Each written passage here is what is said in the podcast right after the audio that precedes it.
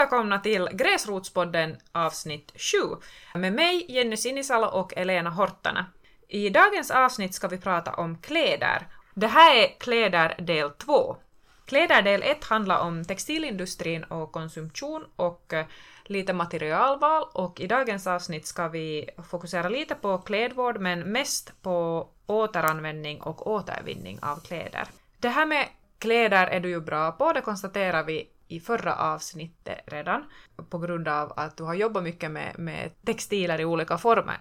Japp, eh, kläder är som sagt då min, min hjärtesak och speciellt både liksom hela den här klädernas livscykel egentligen, både den här eh, från industrin till också nu återvinning. Det är kanske den klädåtervinningen är kanske min sådär nyaste intressedel här i den här klädernas livscykel.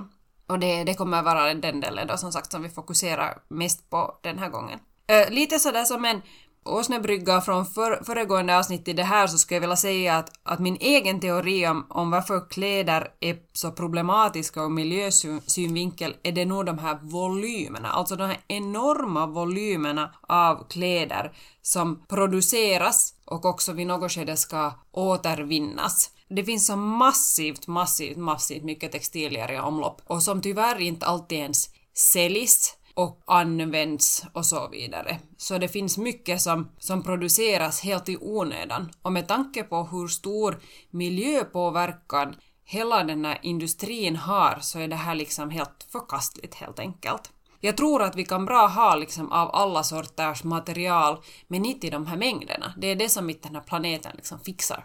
Det här är alltså helt min egen teori, så här tror jag att det är. Jag tycker att vi är på väg bort redan från att ha konsumtion som hobby, men ännu finns det att jobba och, och förstås inte alla människor, men att man skulle kanske kunna tänka på det att shopping ska inte vara en hobby, man ska handla kläder enligt behov mera.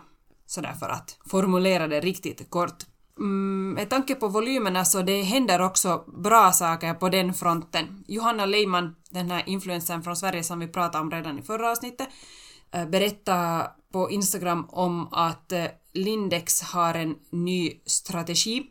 Delvis så på till exempel barnsidan nu så satsar de på att göra förbättrade funktioner på kläderna och bättre kvalitet och till och med säljer de lite lagningsgrejer nu för tiden för att liksom helt enkelt förlänga livslängden på kläderna. Men det som kanske jag tycker att det allra allra viktigast som Lindex nu har gjort är att förra året, alltså 2021, så har de eh, rapporterat sin högsta försäljning och sina bästa resultat någonsin samtidigt som de faktiskt producerar färre plagg och minskar sitt klimatutsläpp genom det. Alltså de drog ner på volymerna som man producerar. Och det är ju helt jättefantastiskt och visar faktiskt att man kan göra bra med pengar fast man inte producerar så här enorma mängder. För det, jag tänker att det måste ju också vara förlustbringande för företag i någon mån att man producerar massor som aldrig säljs mm. och som ska sen brännas eller också på något vis. Det blir ju avfall också för företaget. Exakt.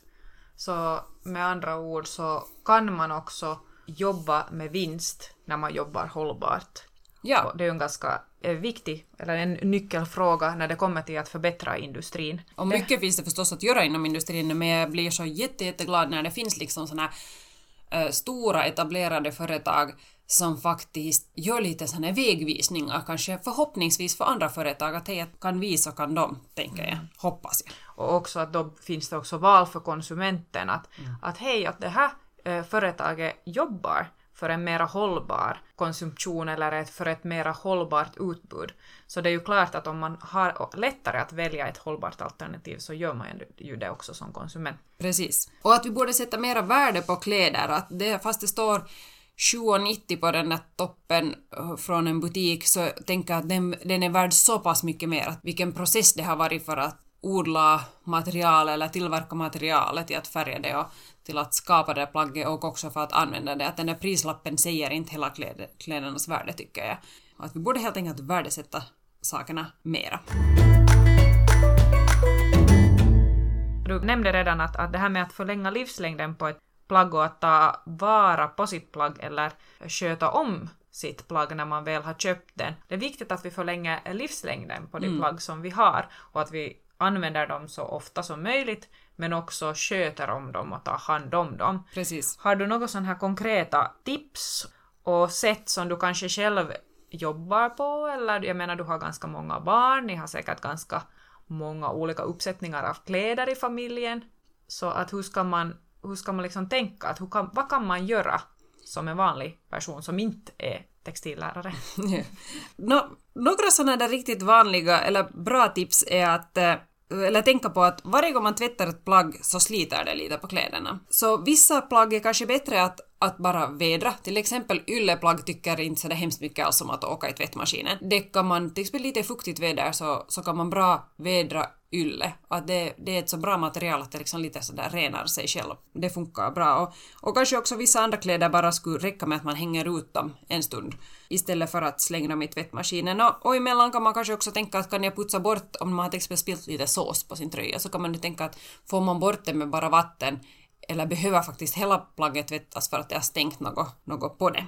Och sen också när det väl är dags då att tvätta kläderna, att man kollar lappen att vad är det för grader som den ska tvättas i och behöver det vara något äh, skonsammare program och sånt här för att det förlänger också livslängden på kläder, att, att materialet kanske inte håller faktiskt mer än 30 grader. Mm. Så att också kolla det förstås i butiken redan att har du, är du en sån som helst slänger bara allt på 40 och kör eller är, har du tid och ork att börja plocka ut kläder som emellan behöver tvättas på 30. Och till exempel viskos är ofta sånt där som vill tvättas i bara 30 grader.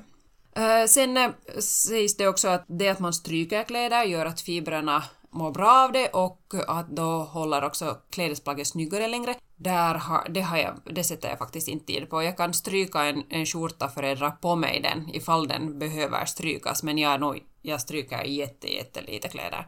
Hur är det med dig? Jag har ett strykjärn men det kommer hemskt sällan fram. Att det är nog riktigt i, i nödfall mer. Men det, gör du det så kan du klappa dig på axeln. Det, du tar väl hand om dina kläder då. Sen kan man eh, fläckborttagning så är galltvål väldigt bra. Till exempel bärfläckar har jag märkt att det funkar jättebra med galltvål. En som jag brukar alltid tipsa om som för att få bort fettfläckar från till exempel barnkläder brukar ha ofta liksom matfettfläckar så är att man sätter lite vatten på fläcken. Sen sätter man några droppar diskmedel och matsåda, alltså bikarbonat, häller lite på av det och så gnider man in den här blandningen på den där fläcken och sen rakt till maskinen. Man behöver inte ha det att stå över natten någonting utan diskmedel, vatten och matsåda och så gnider man på fläcken och i maskin. Jag har alltid fått alla fettfläckar att lossa på det här viset. Också på såna plagg, de har redan varit ett varv i tvättmaskinen och först sen märker att oj nej, den här är ju helt fläckig den här tröjan. Mm alltid, också sånt som jag har köpt på loppis och ser att det är fettfläckar, det gör ingenting, det lossar allt. Sen kan man också tänka att eh, som en liten sån här miljögärning att skippa sköljmedel i tvättmaskinen. Äh, sätt istället till en halv deciliter ättika. Många tycker att ättika luktar illa, men det gör inte, det far liksom bort från kläderna, det luktar inte sen mera. Ättikan fyller en funktion att man behöver lite sådär som balsam i håret så behöver man liksom ha någonting i efter tvättmedlet för klädernas liksom bästa. Men skippa sköljmedlet och spara både pengar och miljö genom att välja till exempel ättika istället. För sköljmedel har ofta ganska mycket kemikalier och väldigt starka lukter och många tycker att det kan reagera på andras kläder för att de har väldigt mycket sköljmedel och sen kan det i vissa fall också sänka andrahandsvärde om kläderna har väldigt stark luktar väldigt starkt av sköljmedel. Mm. Så det kan man också tänka på att byta ut det mot ättika. Jag har en sån här stor 3 liters dunk vid tvättmaskinen och så tar jag en halv deci varje gång och slänger i, i sköljmedelsfacket istället. Jo, jag har också en sån här liten sprut, sprutflaska som jag har satt dosera etik, etika i och, och sätter istället för sköljmedel. Ja. Men det tänkte jag att om man vill ha någon doft mm. så då kan man i den här ättikan, man kan sätta lite eterisk olja av valfri valfri sort vad man, ja. vad man nu föredrar för att det, då blir inte den där doften så stark men man får ändå den där kanske känslan av om man förknippar då rena kläder med någon, någon mm. doft så det kan vara ett sånt tips att, att sätta lite eterisk olja med i, ja. i ättikan. Det kan man göra ja, om, man, om, man, om man vill ha någon viss, viss doft och det finns ju massa olika dem så där kan man ju välja och vraka då. Och sen tycker jag att så här, speciellt så här sommartid, ingenting doftar godare än till lakan och kläder som har fått torka utomhus. Om man har en möjlighet, en balkong eller en gård eller någonting, så redan det får en sån ganska skön, skön och fräsch doft. Så är det. Och sen förstås att lappa och laga speciellt barnkläder så går ganska lätt sönder. Man behöver inte ha en arsenal med symaskiner och overlockar och grejer utan sytråd i några basfärger och en nål så går hur bra som helst. Jag drar ihop massor med små hål i kläder. Emellan har de hål redan av de här larmknapparna mm. från butiken eller att de har stansat prislappen tokigt så kan ha hål redan färdigt som kommer fram kanske efter första tvätten eller något sånt här. Så jag brukar dra ihop med lite sytråd och nål emellan, sya på symaskin och lappar men oftast klarar man sig med bara nål och tråd. Och om man inte själv hinner så det här är ju en tjänst man kan köpa in. Mm. Eller jag hade ett par loppisskor som jag, jag vet att jag betalade typ en euro för dem. Det är jättekiva skor som, som jag har gått mycket med. De är lite festligare. Och jag har faktiskt satt några tio på att lägga nytt botten på dem och Mm. nya snören. Och de är som nya. Att ibland så kan man förlänga plaggets liksom livslängd med, med kanske på ett loppisplagg också. Att man, Mm. man behöver ju inte tänka att, att oj nej, att nu har det här loppisplagget gått sönder. Att det kanske går ändå att, att reparera och så får du ett funktionsdugligt plagg. Ja. Och då har du sparat en massa, massa resurser på det. Mm. Så man kan alltid tänka liksom på att man kan förlänga det, men det går sånt. Och sen har jag hittat också i, i såna affärer som säljer allt möjligt så kan det finnas så här lappningslappar. Jag har köpt såna som, som påminner lite om vindtyg, alltså såna som, eller det är säkert någon form av polyester misstänker jag, och som är självhäftande så jag brukar klippa ut och jag har lappat mycket av barnens regnkläder och deras ytterkläder, till exempel utebyxor som har gått sönder på knä eller någonting. Så det är sådana vattenavstötande plagg som jag tycker att det är lite svåra kanske att sy i, eller liksom jag vill inte laga flera hål med nål och sånt här så då har jag klippt av det där Självhäftande finns i olika färger och så har jag bara klistra på. Man rundar bara lite hörnen och lagar någon sån där oval eller rund lapp. De har hållit faktiskt helt, helt okej. Tvättmaskin verkar inte tycka så det är jättemycket om, men då kan man ju riva loss den och sätta en ny lappning. Men, men det har jag nog räddat många par utebyxor som man just har köpt och så har de varit sönder efter och då kan- första. Och då kanske man får den, liksom det där plagget att hålla hela säsongen ut med, Ja. med tanke på att man kanske ändå måste skaffa ett annat plagg för ett barn som växer sen Mm. ur det. Så att många plagg har vi räddat med, med sånt, så, och det tar ju faktiskt bara då några sekunder att fixa, så det är ju ganska skönt. Så att se efter såna där lappningslappar, jag tror att, att det står också på att man kan lappa typ tältduk och allt möjligt annat sånt där, liksom av sånt där vintet material. Så, så det är som ett tips. Jag köpte för några år sedan nog en noppningsmaskin. Och den har ju nog hjälpt mig att eh, förlänga livslängden på många plagg. För jag tycker inte om noppor. Och med en liten ansträngning så får jag ju plagget att se ganska nytt ut. Att vi, jag har vissa plagg som har vissa delar av sig som de är annars bra, men sen noppar det. Ja. Till exempel just kring armhålorna eller, eller i follen. Så då, då drar jag lite med noppningsmaskin och så, så är det liksom bra. Ja.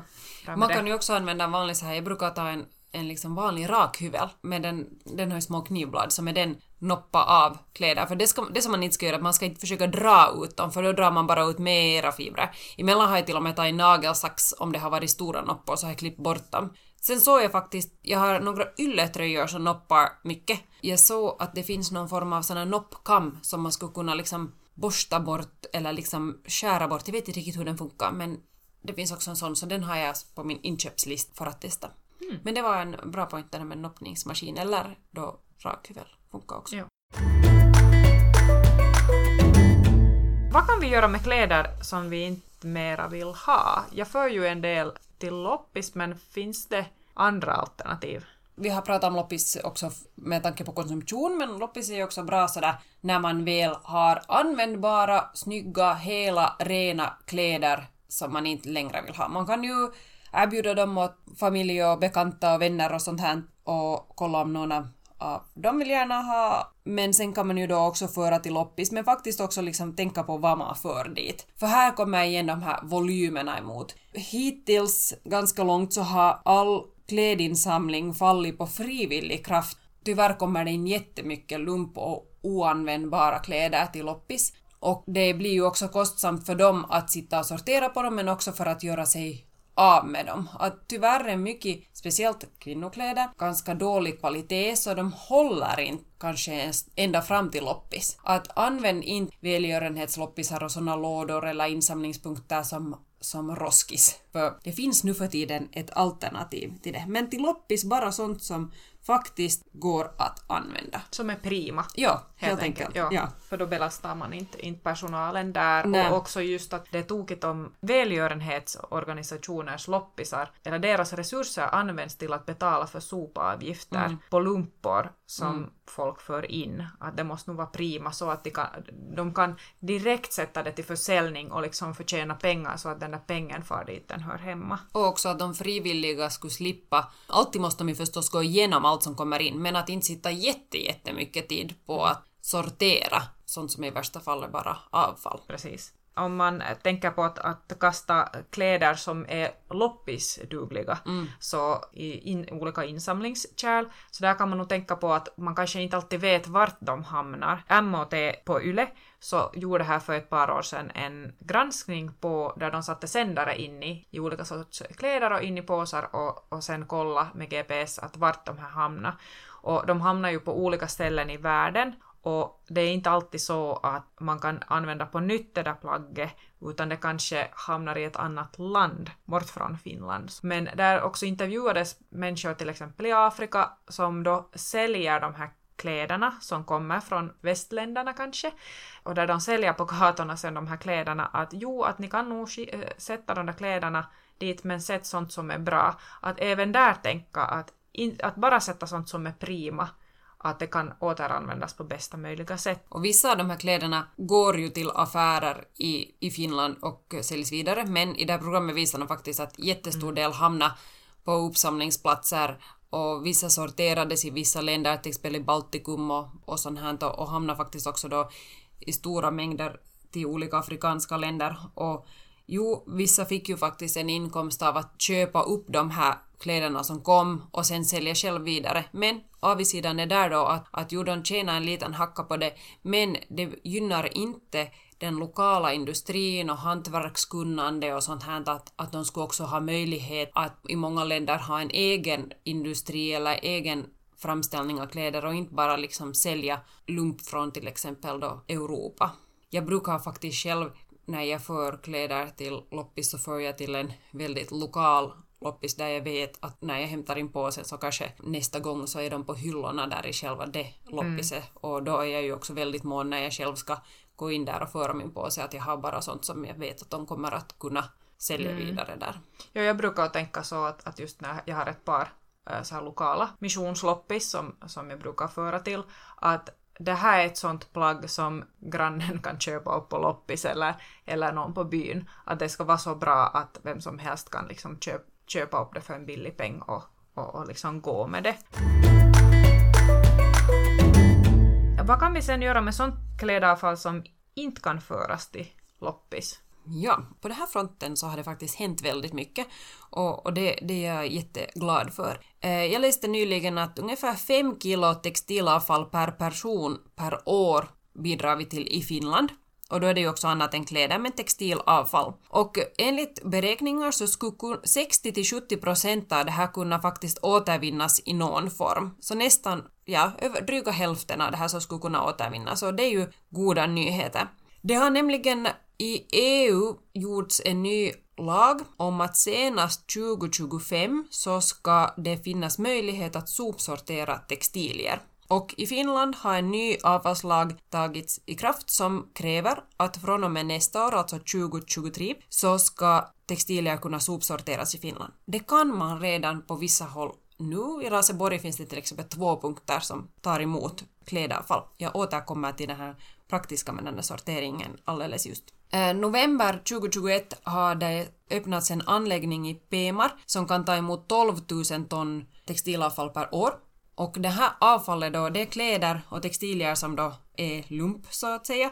Det kan man då processera om och eh, det använder de till att tillverka eh, material till ljudisoleringar, till kompositmaterial. Man kan också spinna ny tråd av det och kanske också då i förlängningen nya kläder. Och man tänker att kanske det här med, med den här nya textilåteranvändningen skulle kunna kanske gynna att man så småningom kanske skulle kunna börja ha mer textilindustri i Finland. Vi har ju haft väldigt mycket i tiderna men det har nu körts ner nästan allt här genom åren.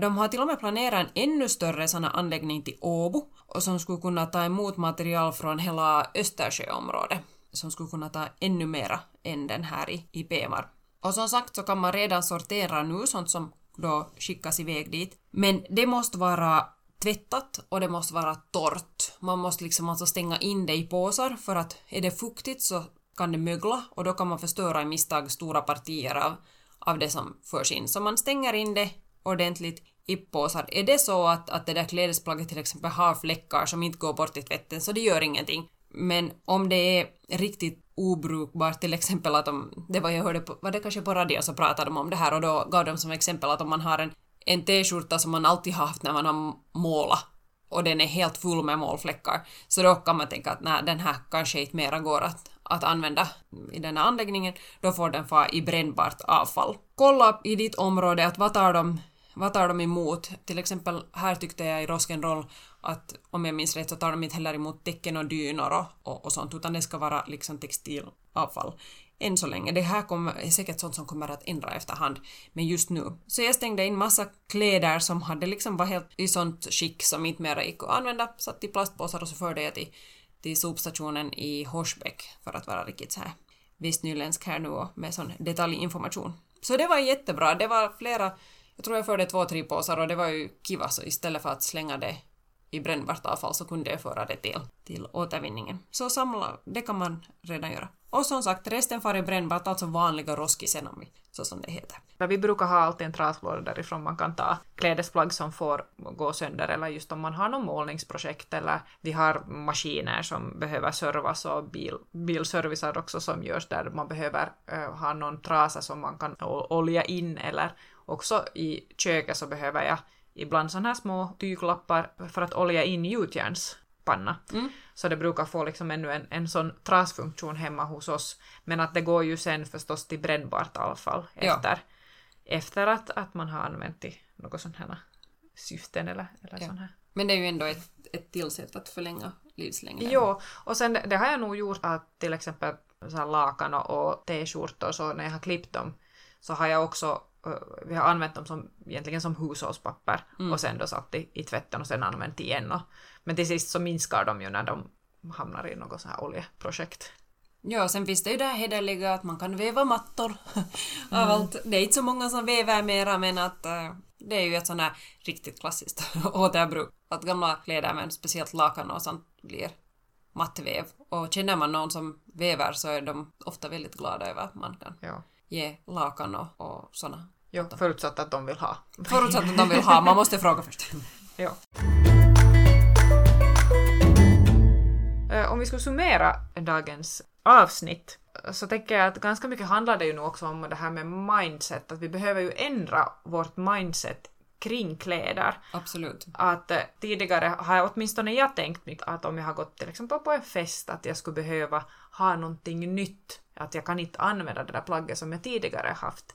Men det här försöker jag nu ändra hos mig och, och tänka att hej, att nu ska jag använda det här festplagget så många gånger som möjligt. Att tänk vad bra att det här plagget har varit på så många fester som möjligt. Att inte går man ju heller och tänker på att vad andra har på sig, eller inte kan jag, inte kan jag namedroppa liksom att vad mina kollegor har haft på sig på avslutningarna mm. eller, eller vad någon annan har haft på någon annan fest heller. Vi behöver ändra mindset, att vi kan inte skaffa oss nytt till varje nytt tillfälle utan, utan bara då när vi behöver verkligen nytt. Precis. Som vi har konstaterat också i förra avsnittet, att det är jättestort ansvar på konsumenterna. Och det är också vi som på sätt och vis, vi sätter med pengarna, det är vi som behöver de här kläderna, men det är också vi som kan sätta, på något vis också ha makten i, liksom i ett större kollektiv att ändra det här och, och just kanske eh, heja på företag som gör bra beslut och bra lösningar och sen också utnyttja sånt här som att det kommer så småningom mera klädinsamlingar överallt och sådana att man kan sopsortera textilier till exempel, att faktiskt utnyttja det här. Och så att det finns liksom hopp fast det känns väldigt dystert och ja, det finns jättestora problem fortfarande liksom i hela klädernas livscykel. Och eh, som, som sagt, de här volymerna, att vi borde få ner volymerna, det kan vi ju inte som enskilda personer göra så mycket åt, utan det måste ske på industrins spelplan så att säga. Men att vi skulle, så som du sa det här med att använda kläderna och också värdesätta dem mycket, att liksom tänka faktiskt på hur mycket de är värda. Och att just att, att har, jag, har jag ett plagg som jag tycker om och det är ännu användbart men det kanske inte passar mig i form. Så jag, har- jag har till exempel nu som ett projekt att jag ska sy om en, ett plagg som jag tycker jättemycket om, att det har varit en kofta liknande skjorta, men det ska, det ska bli liksom en klänning ännu. Sen kan det ju hända att man har kanske tiotals sådana här liknande projekt där man tänker att man ska göra något av det, Mm. men att jag tänker att man kanske kan ha det också. Att inte, inte gör det någonting att fast inte alla projekt blir av, men att man har en, det där mindsetet och det där tankesättet att jag ska utnyttja det här tyget och det här materialet, kanske till någonting annat. Precis. Och då är det inte så stor fara heller om det inte blir till något, om det misslyckas. Här paketerar vi nu två långa avsnitt om kläder. Det finns alltså massor att säga. Det här är också ett ytskrap, men det finns också väldigt mycket information att ta del av och det finns många Instagramkonton och allt möjligt som, som diskuterar det här och för fram saker och tipsar och, och så här. Och Marton har också mycket material. Yle har gjort väldigt mycket kring det här också, så att det finns att gotta sig hur mycket som helst. Mm. Och vill man lära sig att lappa kläder så finns det också videon på Youtube, hur man YouTube. gör det enkelt. Japp, där, det är en, en guldgruva också det. Ja, men eh, nu tackar vi för oss och nu kommer vi också att ta en liten sommarpaus och så återkommer vi på hösten. Och har du något tips om vad du vill höra om i fortsättningen i podden? Det tar vi gärna emot. Följ oss på både Instagram och Facebook på Gräsrotspodden. Och lyssna gärna på gamla avsnitt också i solstolen eller i hängmattan. Precis. Och vill ni ha kontakt då är det bara att skicka ett mejl på grasrotspodden gmail.com. Japp. Och, eller via Instagram eller våra privata kanaler ifall du har tillgång till dem. Absolut. Men tack för oss! Ja, och trevlig sommar! Trevlig sommar! Hej då! Hejdå!